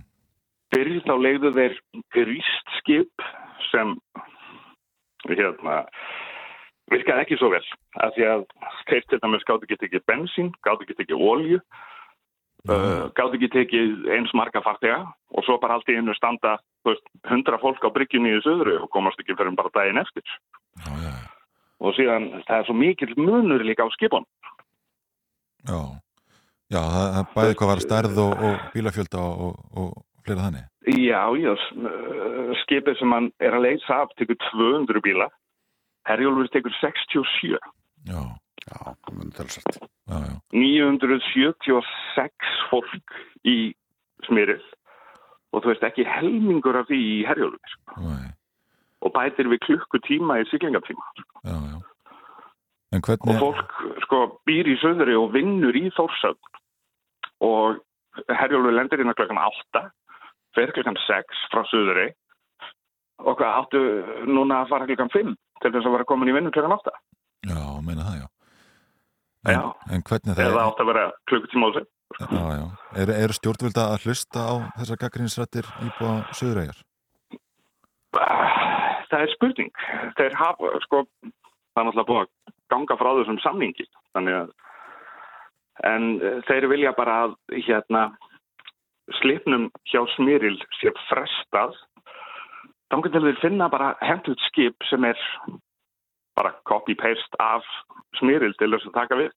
Mm Þannig að þeir þurfum ekki að vera með breytingar varðandi hérna, bílafjölda, farþegafjölda eða tíma, sko Nei, sem manni finnst skiljanlegt að, og síðan líka að þetta er ekki í fyrsta skipti sem svona það er klúður og aflýsingarskipi sko. nei. Nei, nei. Hvernig er, er, hérna, hvernig er staðan bara almennt í, í færiðum? Hvernig, hérna, hvernig viðrar og, og, og já, er það að fylgjast með eldgóðsunu hér heima á Íslandi? Þeir eru færingar fylgjast mjög mikið með eldgórsuna og hérna spyrja mig mikið um þetta. Já, og hérna veðrið í færiðum hefur verið hræðilegt eins og mér skilst á Íslandi líka. Já, hér hefur verið max svona 14-15 gráður, það hefur verið fjóri dagar þar sem hefur verið sumar. Já, restin er bara rigning, rók og þeir stormar sem er ekki svona alveg það sumar sem að maður á að búast við færi um þótt að sé Nei. aldrei gott. Þá, uh, þá hefur það sjaldan verið jafn slæmt já, já. Er þetta ekki bara eitthvað svipað að búið að vera hérna? Þetta er búið að vera svona reyt ykkur ykkur og maður gerir ekki stöndi grína því að sumar að þau komið upp á miðvíkudagjar. Já, nakalega, ég held að það hefur verið á þriðju degi, 12. júni í færi Já, já, akkurat, svona klukkan þrjú einmitt, einmitt. og svo horfum við maður, þú veist, öfundar augum að þess að hitabilgju sem er alls staðar annar staðar en uh, nei, við höfum ekki að fá að njóta þess Já, Nei, það er nú kannski engin öfundur uh, horfa á þau, það með öfundur augum í einhverjum 40 stegi hitta. Fá nokkra gráður Já, lánaðar. núna, sko, núna færiðingar þeir eru ekkert að fara til Spánar, þeir eru bara að skrepa til Danmarkur og Já. sóla sig þar. Já, já, einmitt. Þetta er áhugavert, það er alltaf gott að... Það er enginn að fara til Spánar. Akkurat. Ebenezer Þórarinn Áskjörsson, um, já, frangöndastjóri Hopp í færum, takk fyrir að vera á línni hjá okkur. Alltaf gaman að tala við ykkur. Besta kveður, takk, takk og uh, við sendum bara besta kveður til færi. Uh, það líður að frettum hjá okkur, fá frettir á slæginu klukkan átta Já. og uh, eftir frettir þá fáum við uh, góða gesti. Já, já, við ætlum að ræða við Solveigunni Jónsdóttur fórmann eblingar um kjæramálin en tveir hagfræðingar sem þjóðhagsráð fekk til þess að greina já, stöðu og horfur á vinnumarkaði komast að þeirri niðurstöðum þess að myndir sé sögurum í hagkerfunu til nafluna hækkana takmarkaða eða jafnvel á þrótum eh, Við ræðum við Solveigunni hérna eftir áttafréttir og ræðum síðan við eh, já, læknafélagum fjármögnun heilbyrðiskerfisins og Sævar Helga Bragason um heim vísindana. Já, já, nú um að uh, vera hjá okkur eftir átta frettir uh, en við bara hengurum eftir því að, að komast, í, komast í átta frettinar og uh, fáum að stutt skilabóð áður en að uh, þeim verður. Þú ert að hlusta á morgunútvarpið á Rás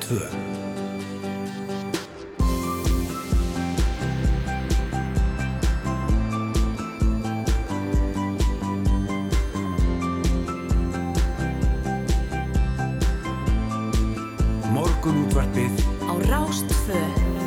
Já, haldum áfram hér í morgunúndarpinu Yngvar Þór og Rúna Róbertsson með til klukkar ný og e, við fáum Sævar Helga Bragarsson í lok e, þáttar til okkar með e, smá fréttir af vísindum og svo ætlum við að við steinunni Þóradóttur Forman Læknafélags Íslands um fjármögnun heilbriðskerfisins um hálf nýju en við erum með komum með Sólufjóðunni Jónsdóttur Forman Eblinga til okkar í Léttspjall. Jú, jú, tveir hagfræðingar sem þjóðhagsráðu fjökt til þess að vinna greinargerðir um stöðu og horfur á vinnumarkaði núna í aðrænda kjara samninga komast að þeirri neðustuð að um þessar myndi sé svigurum í hagkjörun til nafnlauna hækkana takmarkað eða jafnvel á þrótum og það er tryggja í að kaupmáttur launana sem landsmenn fá í vasan haldi sér.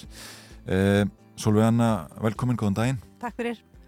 Fósættis að það er að segja kvöldfröttum sjónasum mánaðamótina að stjórnvöld ég væri búin að vera að undirbúa kjaraverðaðarnar, halda fjölmarka auka fundi á vettvangi þjóðagsraðs þar sem aðeinar vinnumarkaðarins, sveitarfjölög, seðlabankin og fleiri rættu saman. Hvernig hefur þetta samtal verið frá þínum bæjartunum séð? Já, um, þetta var áhugavert að sjá um, þessa frétt um, uh, í, í kjálfar þessa ég sá hana og hlustaði á fórstinsráður að lýsa þessu mikla og þetta samtali sem átt hefði sér stað á vettvangi þjóðarsráðs þá reytaði ég fórstætti alþjóðsambandsins post þar sem ég óskaði eftir því að fá sjá fundagerðir af þessum fjölmörgu fundum sem að ég hafði um, litla sem enga vittneski um. um. Mér var tilkynnt að engar fundargerðir væru haldnar af þessum fundum. Um, ég um, undraðist auðvitað þetta mjög og, og geri enn og veit að, að fjölmargir félaga mínir innan hreyfingar, hreyfingarinnar gera það líka. Svo um, byrtist þessi, þessi niður staða mm -hmm. allra þessara funda og allrar þessara miklu vinnu þessa þetta samtals og þá er niðurstaðan þessi að þetta stjætta samvinnu verkefni þar sem að engir fulltrúar verka og láluna fólks hafa átt aðkomu að er svo að emitt verka og láluna fólk eigi að um, sætta sig við það fyrirfram að kjara samningsviðræður þeirra muni bókstala skila engum árangri að nú vil ég einfallega svo óheppilega til að þegar að um, pólitísk um, yfirstjætt, um, efnagasli yfirstjætt er búin að taka til sín gríðarlegar hækkanir, um, launahækkanir auðvitað, um, kaup auka, skatt afslætti vegna hlutabrjákaupa um, og svo framvegis þegar að kaupmáttur vinnuaflsins sé þegar farin að rýrna verulega, þegar að aðstæður séu óbærilegar á húsnæðismarkaði og svo framvegis þá því miður sé svegrúmið einfallega ekki til staðar. Um, þetta er auðvitað til háburna skammar um, segir auðvitað en eina söguna um vilja um, valdastéttarinnar á þessu landi til þess að jaðarsetja uh, verka á lálun og fólk algjörlega. Okkur er ekki einu svona hleyft að þessu borði og jafnvel þó okkur væri það þá verði ég að segja að þessi vinnubröður er náttúrulega hæsta falli ólýðræðislega vegna þess að það er einfallega lagarlegu réttur vinnuaflsins að um, setjast að samningum, semja þar um kaup og kjör, það er hlutverk verklisfélagana að gera þetta og að um, um, einhver, einhver hópur fólks mm. telli sig þess um komin að einfallega ætla sér einhvern veginn að rýra þetta vald okkar á, fyrirfram ákveð hvernig að samtalsins eigi að vera er um, óþúlandi og við munum auðvitað ekki sætt okkur við þetta og afstæða mín sem formans eflingar er að þessar skýslur og þessi vinna þjóðhagsráð er bara einskilsvirði í mínum huga um, niðurstur kjærasamninga verða ákvaðar um, við kjærasamningsborðið mm. það er samningarnæmt eflingar sem að mun um, fara með samnings Um, umbóðið samningsmálinn og þar verður um, svo ákvörðun tekin af um, okkar fólki um það hvað við þurfum og hvað við viljum. Já, við ætlum að snúi stað í efnarsmálunum bæði hér og, og annar staðar í heiminum verðbólka ekki marst meðri í 13 ára og við rættum inn að fórsíðu frétt fréttablasins áðan uh, þrýðungur heimila á ekki afgang og Reykjanes eru já, 57% íbú annarkvort á nullinu eða í mínusum hver mánuðamót. Mm -hmm. Svo hvernig blasir þessi staða í efnars uh, umhverfunu við ykkar félagsmenn? Já Hún er náttúrulega hún bara blasir náttúrulega nákvæmlega svona við. Um, við komum undan þessum um, faraldri á þeim stað að um, þau sem að ofalega eru í stígveldi samfélagsins hafa bara bókstala aldrei haft að betra. Fólki þurfti engar fórnir að færa, um, sá eignir sínar bara að vaksa og dapna og kórónaði svo hérna einhvern veginn það sem að á undan hefði gengið með því að veluna sjálft sig með gefanlegum launahækkunum.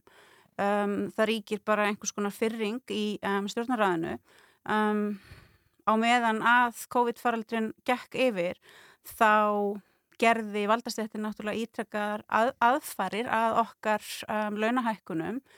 Og ég nota hér tækifæri til þess að segja það sem ég hef oft sagt áður að það var ekki síst vegna mjög staðfastrar um, afstöðu eblingar sem að það var ekki hægt að hafa af okkur þessar hækkanir. Og við getum rétt ímyndað okkur hvernig ástandi væri fyrir verka láluna fólk ef að þessu fólki hefði tekist þetta ætlunaverk sitt. Um, umununar um, stettirnar láluna konurnar mestmægnis sem að vinna á leikskólunum og á hjókunarheimilunum þær mættu til vinnu í gegnum allan faraldurinn, þær unnu ekki heima þær stóðu sína plikt, þær fengu engar uh, uppbúta greiðslur, ekki náttúrulega skapa en hlut rátt fyrir það. Þær um, legðu helsu sína veði í gegnum allan faraldurinn. En húsnæðismarkaðurinn hefur einfallega eins og við þetta bara öll vitum og enginn getur lengur neyta að veri afhendur egna stettinni til þess að hún megi fara með hann sem hérna bara sitt leikfang. Allt á kostnað lálunafólks, allt á kostnað þeirra sem að þó um, eru ómissandi fólki í þessu samfélagi, framleiða með vinnu sinni um, hávöxtin og halda umönnunarkerfinum gangandi um, og nú blasir ég á þetta ástand við að misskipting og stjætskipting hefur bara aukist verulega, hefði aukist meira, hefðum við ekki staði vaktina um, og í stað þess að þetta fólk sem að fer með völdi í þessu landi og telur sér einhvern veginn þess umkomið að bara stjórna öllu, lítur svo á að við séum í einhverju lénsveldi og séum raunverulega einhvers konar leigulegar hjá þeim að um, þau geti já, sendt okkur þau skilabú núna við höfum bara enn eina ferðina að hafa okkur hæg. Það mun auðvitað aldrei verða um, og ég auðvitað bara undrast þá, já, bara fyrringu sem að ríkir í röðum þessara fólks. Ég vona að skynnsemin einhvern veginn knýja á dyr Mhm. um, og að stemningin og svona afstafan breytist áður en að við raunverulega setjum sniður við samningaborðið en gerist það ekki þá erum við auðvitað reynslunni ríkari um, barátta eblingar fólks, til dæmis barátta eblingar hvenna við Reykjavíkuborg skilaði um, raunverulegum árangri, það þurfti sannlega að hafa fyrir honum um, og það þurfti að takast á við já, mjög hérna svona hatrama andstæðinga. En við bárum sigur úr bítum um, og kjara tölfræði nefnd uh, hefur uh, reiknað það út að engir fengu herri prósentu hækkanir enn einmitt um, þessir hópar hjá Reykjavíkuborg þannig að við vitum hvað ber árangur. Við hérna höfum eftir okkur. Mhm. um, þannig að við svo sem óttumst ekki það sem koma skal. En, en aftur segi ég bara vona að hérna einhver svona hjartenging geti átt sér stað áður en að en, en svo stundur ennur upp Já, það er talað mikið um að e, setja höfrung á hlaup þegar að það er í kjæra samninga að koma einhverjar brústuhekkanir eða krónuhekkanir og þá hækkar allir stígin og Mhm. allt það en e, valla getur það verið þegar að fólk næri ekki endur saman að það verði þá einhvað höfrungulhaup sem að veldur verðbólgu ef að fólk þarf bara hækkan á launum til að borga reikninga. Já, og, og löstin auðvitað til þess að stemma stigu við höfrungahlaupinu sem einhvern veginn hérna er alltaf verið að berja á okkur með er auðvitað bara aðferðin að notast við krónutulhækkanir. Mm. Það er um, aðferð sem að skilar mestu til þeirra sem að minnst hafa það. Það er aðferð sem að vinnur bara mjög markvist emitt gegn misskiptingu og kemur í vekk fyrir höfrungahlaupið. Um, við samtum um krónutöluhækkanir í síðustu samningum á um, almennamarkanum.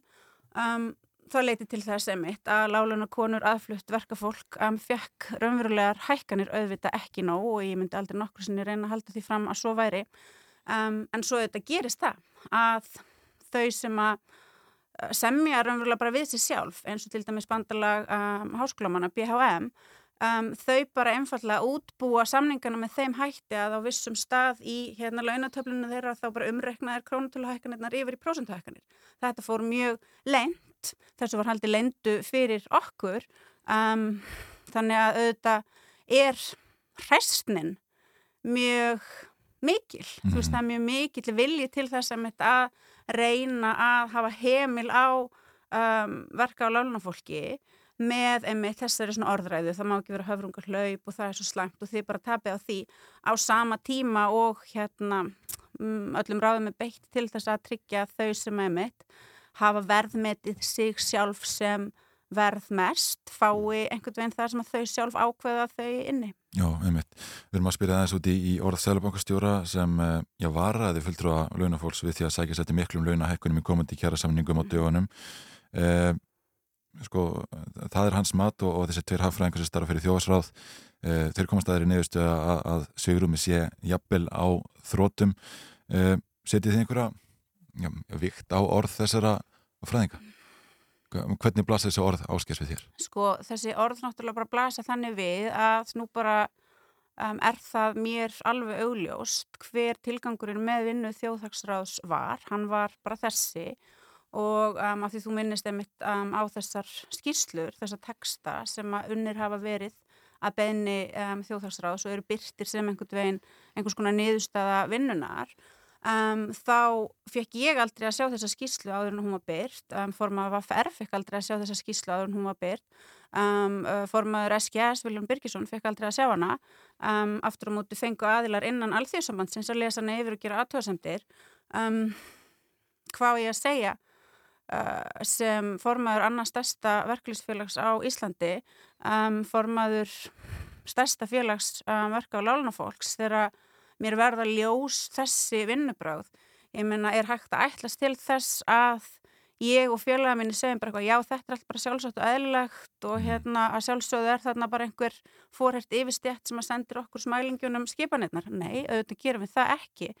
Um, en hefur þetta áhrif að hvernig þið nálgist kjara viðraðunar? Að, að, að, þetta sé mat þeirra Við auðvitað vinnum bara okkar vinnum með þeim hætti að við gerum það á líðræðislegum grundvelli. Það eru félagsmenn eblingar sem er setið fann kröunar, það er samninganemdin sem að vinnur það er um, við látum það ekki stjórna því sem að okkar félagsfólk segir okkur að það þurfi að maður sem að sjálfur lifir eins og aðall fyrir alda og félagar hans um, ætli einhvern veginn emitt að tryggja sinn stöðuleika, sinn auð, sín völd á baki uh, vinnandi fólks, nei, um, augljóslega gerum við það ekki. Mm -hmm. eh, Svo nefnir hérna að þið fengu ekki að sjá, sjá þetta en hjá AIC er, er ykkur eh, þín upplifun að eh, ykkur er haldið frá því sem er að gerast innan ASI þú nefnir Vaffer og nefnir Viljum Birgisson ég, ég myndi segja já að mín upplifun er bara mjög mikið svo að ég sem formaður eblingar og ebling höfum verið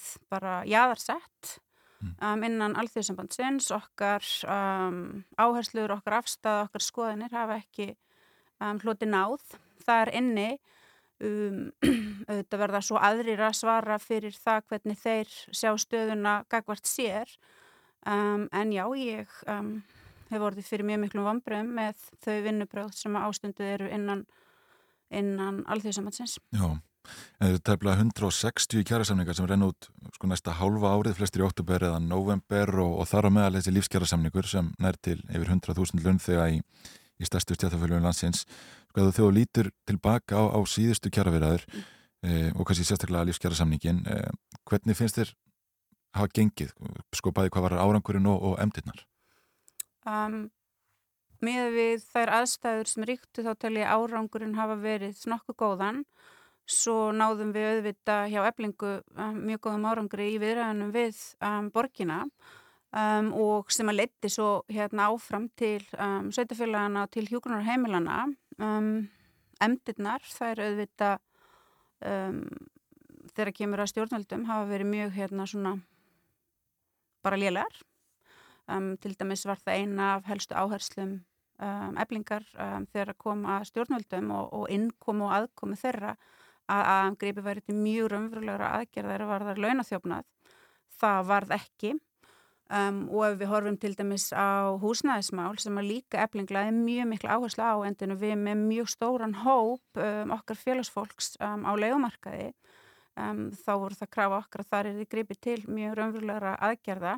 Það hefur augljóslega ekki gerst og ástandið hefur bara versnað og versnað um, og svo eins og ég nefndi hér í upphæfi samtalsins þá átti stöðug og siðlaus aðfyr sér stað að um, niðurstöðum lífskjara samlingsins, þeim um, kjara bótum, þeim uh, launahækkunum sem að þar höfðu verið samþyktar og undirritaðar um, í gegnum allt COVID, alla, all, all, all COVID uh, misserinn. Mm. Þannig að um, við erum bara auðvitað, ekkert í neittni hérna, við erum ekki barnaleg, við horfum ekki á þetta eins og hérna, eins og emitt, einhverjir sem að hafa ekki þessa svona fjöru sopið, við vitum bara nákvæmlega hvað við erum að takast á við og við vitum alveg um, hvaða svona sín um, andstæðingar okkar, af því að ég geta auðvitað ekki kallað þetta annað en andstæðingar okkar hafa á okkur á um, svona það hlutskipti sem að þau telja við eigum að hafa í þessu samfélagi. Mm.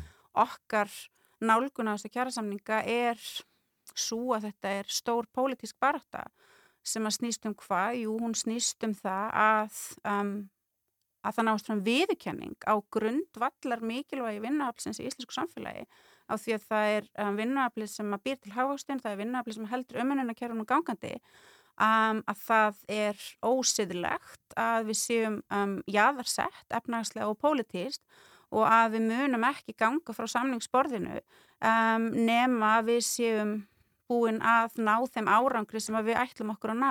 Við erum að berjast fyrir sangirni, réttlæti, uh, virðingu og völdum og við ætlum okkur að ná árangri í þessari barð. Mm. En ber þá tröst til stjórnvalda í aðduranda þessari viðnuna? Nei, ég get ekki sagt það og ég get ekki sagt raunverulega að ég beri tröst til um, þeirra sem að fara með völdi í þessu samfélagi, hvort sem það eru stjórnvöldi eða um, efnagsleg yfirstjætt, en það væri ég mjög, já, bara barnaleg ef ég ætlaði að gera það á þessum tímpundi og ég myndi aldrei nokkur sinni segja við að láluna konu um, sem að strítar í þessu landi að hún ætti einhvern veginn að um, bera tröst, ég myndi segja við hana og við alla félagsmenn um, eblingar að hún ætti að horfa í speilin, hún ætti að sjá hversu miklu máli hún skiptir fyrir Íslands samfélag, að hún ætti að bera höfuði hátt, hún ætti að stíga fram, hún ætti að ganga til liðs við mig og félaga mína í þeirri baráttu sem um, er um, yfirvöndi og að sameinuð, um, þá munum við ná árangri. Við náum ekki árangri með því að treysta fólki sem að tilherir ekki sömu stjætt og við, við náum árangri með því að við sem að tilherum stjætt vinnandi fólks stöndum saman um, og gerum öllum ljóst að um, án okkar stoppar allt. Mm -hmm. Og við hverju býstu þá í haust? Verður þetta, verður þá mjög hörð baróta? Já, eins og ég hef sagt áður, þá ætla ég að mæta á samt félagum minnum um, og ætlast til þess að okkur verði mætt af sangirni, um, skinnsami og um, með svona réttlætið að leðaljósi um, gerist það ekki þá auðvitað bara gerum við það sem við þurfum að gera til þess að ná þeim árangri sem við teljum okkur eiga að ná mm -hmm. Og uh, já og þá, og þá ég meina koma verkvöld náttúrulega til greina ef, ef þannig fer. Já, það er náttúrulega alveg augljóst að, að verka á láluna fólk á, á endanum það vopn sem að býtur hart. Við beittum því vopni um, bæði í um, lífskjara samningsviðræðinum og svo beittum við því auðvitað af mjög miklum árangri um, með borgina. Það skilaði mjög raunverulegum árangri fyrir um, láluna fólki á borginni. Um, það þarf ekki að spyrja með því, þið getur spurt þau og svo getur þið lesið um það í niðurstöðum reiknumestara um, ríkisvaldsins. mm -hmm. Þannig að við vitum hvað virkar en ég myndi aldrei á nokkur sinni fullir það það núna á þessum tímapunkti að það sé það sem er að fara að gerast ég menn eins og ég segi, við vinnum þetta á liðræðislegan hátt það er samninganemdarinnar að taka þessar umræður í svo samtali við félagsfólk um, en við, við vitum hvað virkar og við kunnum að gera það sem gera þarf og við erum ekki, ekki hrætt Nei, þetta verður að vera loka orðin Solveig Anna Jónsdóttir formaður Eblingar, takk fyrir að kíkja til okkar í morgunúndarpið Takk.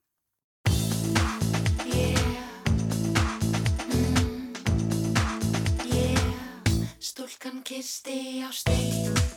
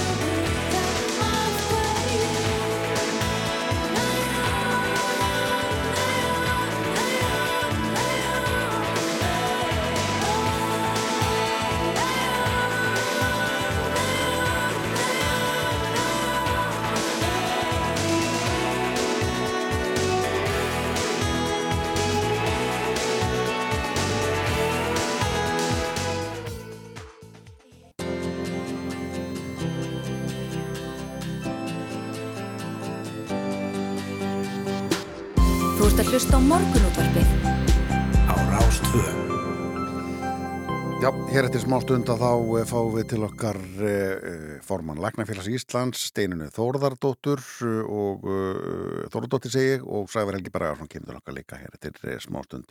En það er Ragnandi Gísladóttir sem á næsta leikin í tónlistinni. Hvað er mig og þig? Eitt svona gammalt og gott. Þetta er flott.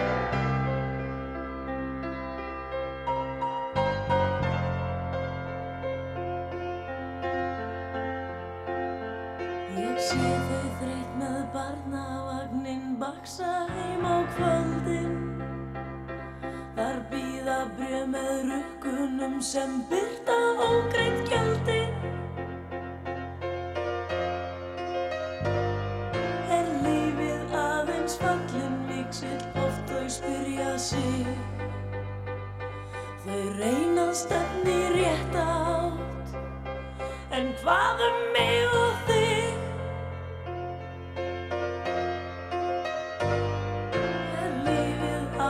Fallin miksill oft þau spyrja sig Þau reyna að stefni rétt átt En hvað um mig og þig?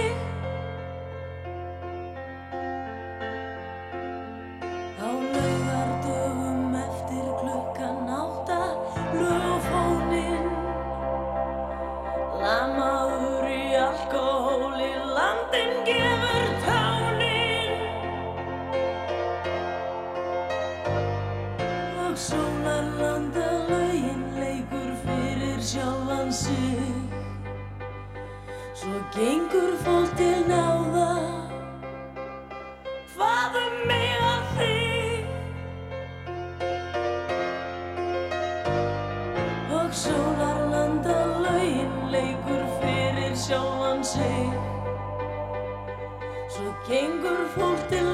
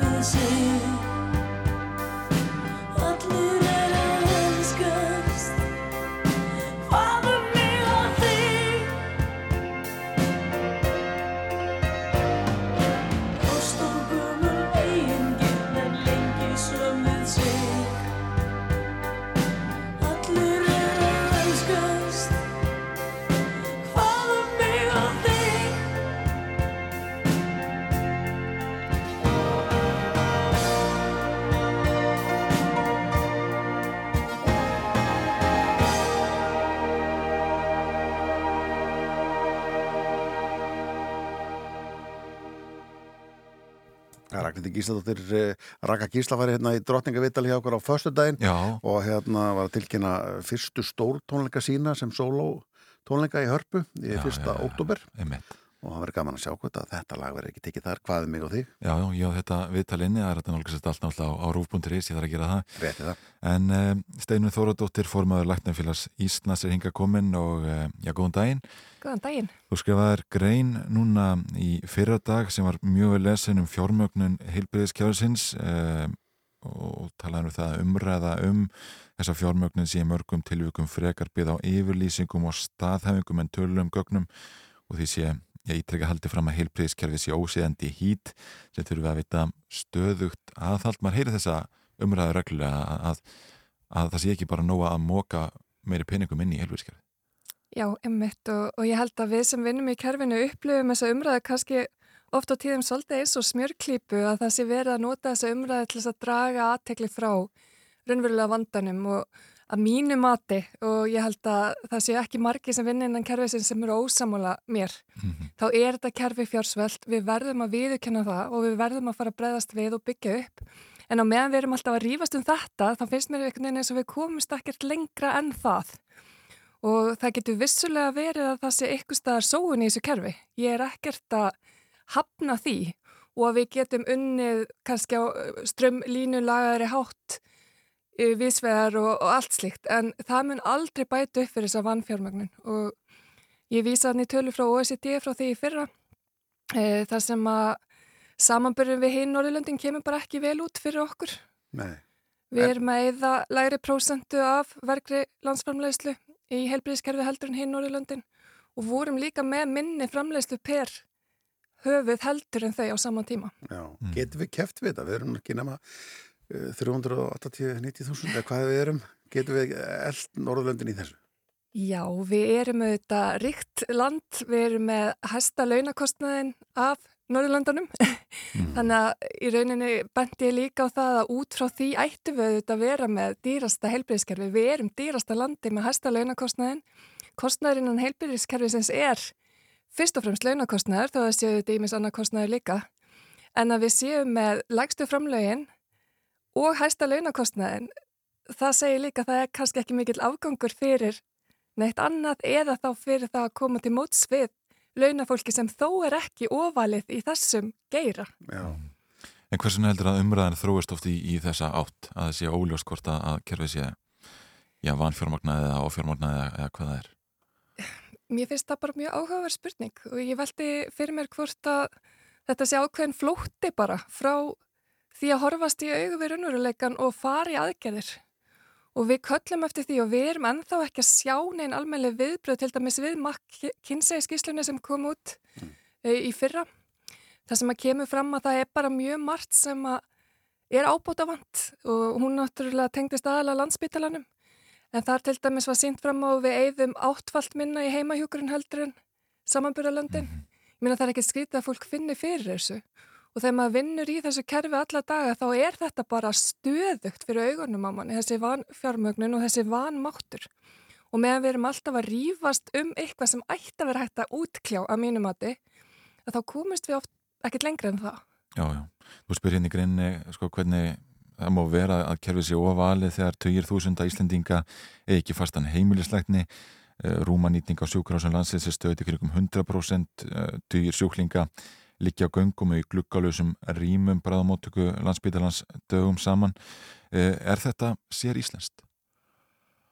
Um, já, ég þekki til í Svíþjóðhafandi starfa þar uh, í mínu sérnámi og þekki náttúrulega marga sem hafa unnið á hinu Norðurlöndunum og ég held að mjög margt af þessu er sér íslensk, til dæmis vandi bráðamóttökunar er klárlega sér íslenskur. Við erum bara með eitt hvað maður segja, þjóðasjúkrahús eins og það er kallað þarna á Suðvesturhóttninu þó að við séum með öflug sjúkrahús víðar um land en þetta er svona síðasta stoppið fyrir mjög margt. Og þessna byrtist þessi vandi þarna, það er segja stíplan alls staðar annar staðar og þetta vandamál er bara sívaksandi og ég held að fólki sem þar starfar er til dæmis orðið gríðarlega þreytt á uh, hvað maður segja skorti á, á því að það sé tekið á þessu vandamála mynduleik og maður vill líka bara sjá, ég meina hvað er planið? Hvar á að fara að byggja upp, það er eitthvað sem er algjörlega hulið okkur ennþá. Og það er mjög erfitt að standi þessum spórum algjörlega að drukna ár eftir ár, alltaf hrópandi í fjölmjölum og jafnvel skammaður fyrir það líka. Ég meina, akkur eru þið alltaf vælandi, fælandi fólk frá því að koma til hér til starfa, hræðandi almenning, en meina, hvað er eftir? Þegar við sjáum ekki heldur neinar áætlanir sem eru konkrétt um að leysa þetta. Mm -hmm. Þannig að þetta held ég sé sér íslenskt. Þú talar um verka landsframslu og hlutu allar henni og það hefur verið talað um það að aldrei hefur verið mikið peningu sentur í heilbríðkerfið eða svo undarfarið og, og maður sér það alveg að horfa á að grafa þessu það hefur verið stígandi í þessu en við erum samt á, sama stað núna og 2003 eða sveipjum stað. Það er nefnilega málið og það eru margir svona eldri eh, læknar og kollegar sem að líta á tíman í kringum síðustu aldamót sem ákveðna gullöld. Mm og sérstaklega í kringum hruni þá náttúrulega varð mikil dífa í útgjöldum til helbreyðismóla Og eins og ég segi, maður er kannski að skrýða upp hægt og rólega en það má líka þá bara ræða það, ekki að segja þetta sé of fjármagnað og við auðvitað líka setjum bara uppi með afleðingar ára langrar van fjármagnunar. Ég meina það þarf mjög mikla innspýtingu til að byggja upp eftir svona mikinn svelti. Og það kom fram uh, í vísbendingu í fyrra uh, af hálfiðan Skilva Sóuka, hagfræði profesors. Hann var búin að rekna út uh, fjárframlegu til landsbytalans og frá hruni hefur hann verið sérst fjármagnar undir fjárþörf þó sérstaklega þegar er litið til launakostnaðar.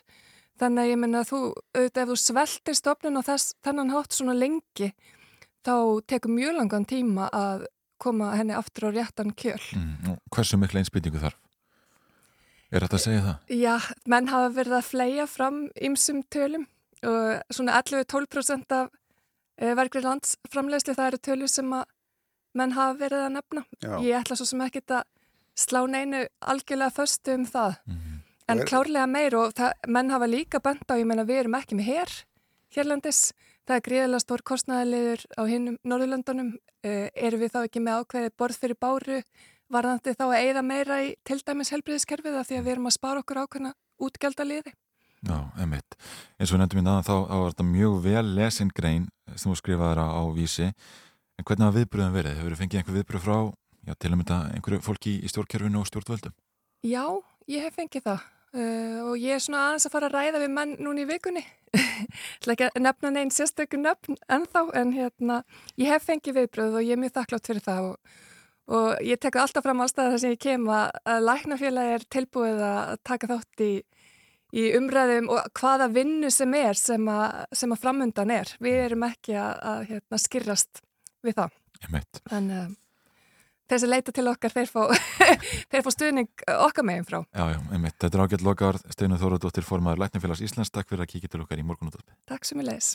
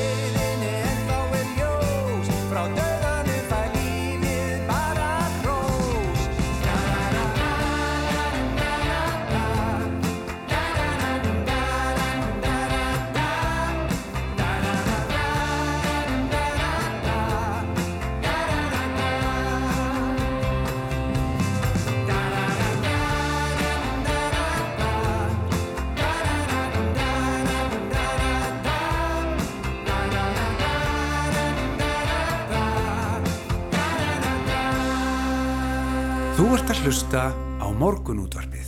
Já og e, þá að vísindunum og, og Sæður Helgi Bragarsson komin til okkar er svona að gera hérna eh, svona hálsmánaðlega, velkomin drengur. Takk hjá það fyrir það.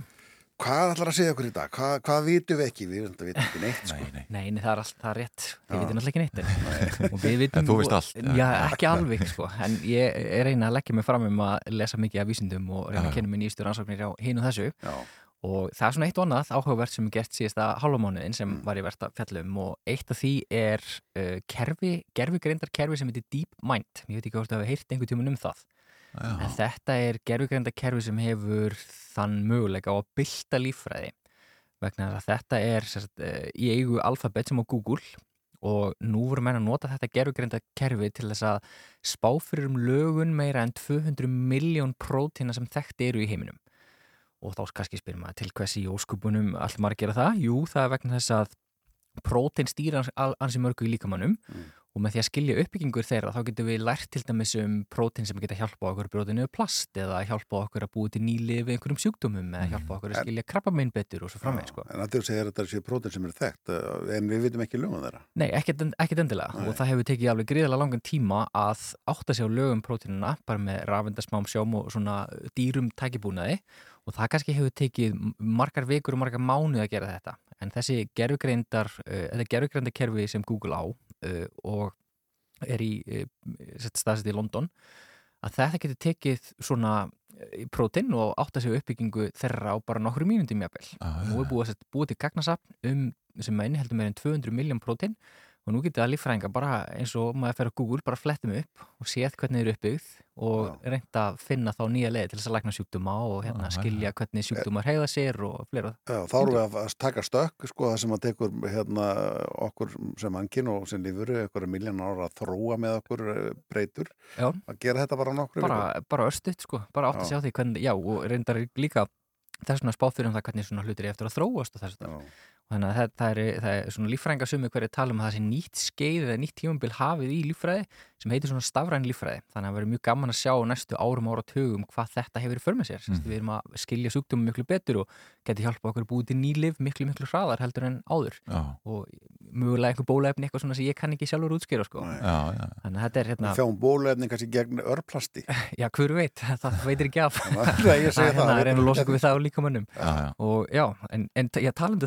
þá náttúrulega borðast líka frétti núna frá rannsóksum Stokkólms háskóli gerði um uh, svona eilífðar efni sem heita PFAS Já. og þetta eru efni sem hafa rosalega stert efnatengi um milli kólefnis og flúors. Og þetta var efni sem var fundið upp svona kringum setni heimstyrjöldina og uh, upp úr 1950 voru fyrirtæki svo DuPont og 3M og svona efnafyrirtæki stórfarin að nota þetta í bara gríð og verk í matarumbúðir og hérna pönnur, viðlunafría pönnur eins og teflon og svo vöknum við eins og svo ofta áður upp í vondan draum að hérna, þessi efni brotna hægt eða alls ekki illa e, niður í náttúrinni og sapnast þar alveg bara fyrir og nú er svo komið að það er bara ekki hægt að drekka regnvatt lengur í neistar í heiminum vegna þess að það er svo menga af þessum efnum. Já, já. og það er kannski ekki mikið vandamál á Íslandi vegna þess að náttúran sér svolítið um að hreinsa regnvatni sem fellur hérna á yfirborðið. Þú seitlar í gegnum bergið okkar, grjótið okkar sem eru komið upp núna náttúrulega á Reykjanesi. Og sapnast það saman í, í vassveitum og þessu þar en uh, ek, það er ekki þannig allstæðar í heiminum. Þannig að sumstæðar í heiminum er fólk að sapna regnvatni til þess að geta drukkið vatn og elda mat og svo framvegis og nótkun, ofnótkun okkar á þessum viðlána fríu efnum eða þessum eiturefnum er að valda okkur vandræðum Mm. Hvers konar vandræðum Já, þetta er tengtu sjúkdóma sem dæmi, skjaldkirtis vandamál, lík, aukna líkur að krabba menni, fósturláti og hvað þess að það sko en það er svona ekki öll kurl komið til grafar enn með það Mhm. af því að þetta hefur bara verið til í svona nokkur áratug, kannski 50, 60, 70 ár sem myndur notað almennlega en eina leiðin til þess að fasa þessi efni út er að lækka viðmunumörkin á leifilegum magni af þessum efnum í því sem eru notað í, eins og til dæmis þau notuð í hérna, pappirundunum skyndibita sem dæmi, þannig að þið fara á McDonalds í útlöndum eða mögulega hérna á Íslandi einhverja skyndibita stæði þá fáið þetta í boxi eða ekki Mm. og það búið að setja svona plastfilmu innanundir vegna þess að hún þá hrindir fitinu frá þannig að plast eða pappirinn verður ekki allur svona frekar ógeðslegur Já. og svo ef þú notar þess, þessa pakka aftur og hitar jafnvel matarlegunar að þá getur, getur þessi efni líka losna úr pakningunum og í matin og þú getur fengið þetta þar leið inni í þig og það er alveg pottit að við hérna hér núna erum við þetta inn í okkur nú þegar Já, sko, já. bara því að andus að okkur og, og hérna hafa notað teflonpönnur og bara jakkin sem ég kom í áðan eh, lappandi í rigningunni, hann inniheldur svona efni líka. Já, en það er sett verið að reyna að fasa þau út eða lækka uh, mörkin þannig að það sé óhættara fyrir fólk að nota varninga þessu tægi en það mætur oft andstöðu og til dæmis í bandaríkinum það hafa ákveðni þingmenn greitt atkvæði gegn banni við notkun á þessum vörum eftir að hafa fengið þeir styrki frá fyrirtækinu sem framlega þá. Og þetta er alltaf the usual suspects. Þeir koma á ákveðinu flokki sem að greittu atkvæði gegn til dæmis e, já, frumvarfi sem var samþýtt nú, núna bara um, í gerðað fyrir dag um loftlasmál þannig að hérna, þeir koma allir úr ákveðinu átt og hafa einhverja hagsmunna að geta Já. en vonandi næsta hérna fasa þetta út og við mingum nótkunum þessu.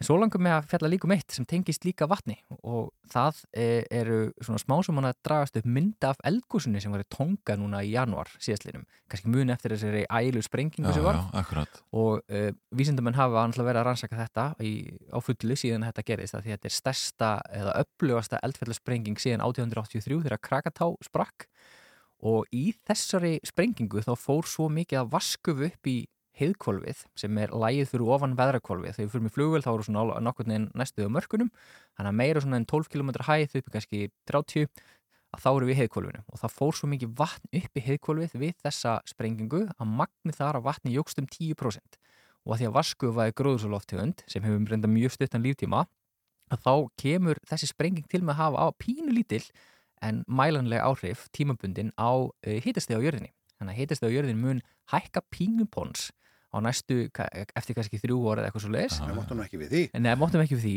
en þetta mun svona byrtast eitthvað svona, svona, svona smá blipp, smá tindur í Já, já. annars, e, já, svona, hvað við segja, auglusri leitni hvert við erum að stefna. Og svo náttúrulega bara fer vatni úr andrumsloftinu og hérna, þessi hlínun af þessum völdum gengur tilbaka og meðan við höldum áfram að, áfram að heita heiminn. Og það er alltaf áhugavert í þessu líka að sprengingin varð fyrir algjörða tilvílin, svona öflug. Er að þar sem botnin var, að þar voru akkurat 150 metrar, þetta voru 150 metrar dýpi, sem var akkurat nót til þess að gufusprengingin gatt farið svona hátt. Hefði hún verið aðeins neðar, þá hefði bara þrýstingur frá sjónum komið í vekk fyrir og, deift áhrifin, sko. Þannig að það er áhugavert að, að skoða það líka, sko. Einmitt. Við, við komumst ekki lengra með þetta hérna, Sævar Helgi Bragarsson, takk fyrir að koma til okkar og, og fræða okkur um þetta þetta er mjög frólætt, einhver Já, að koma að hjá okkur ætlum að, ég var bara að lofa því hérna fyrir morgun að enda á lægi með uh, Ólöfi Newton Dunn sem fjall frá í gær 73 ára gömur, það er engin aldur Þetta er velvalið laghæðir. Er það ekki? Jú, held ég. Við þakkum fyrir í, í dag og erum 6.50 í fyrramálið eh, blessi sér minning Olivia Newton-John margir á, á mínum aldri sem að þetta var svona fyrsta ástin Já. í Grís 1978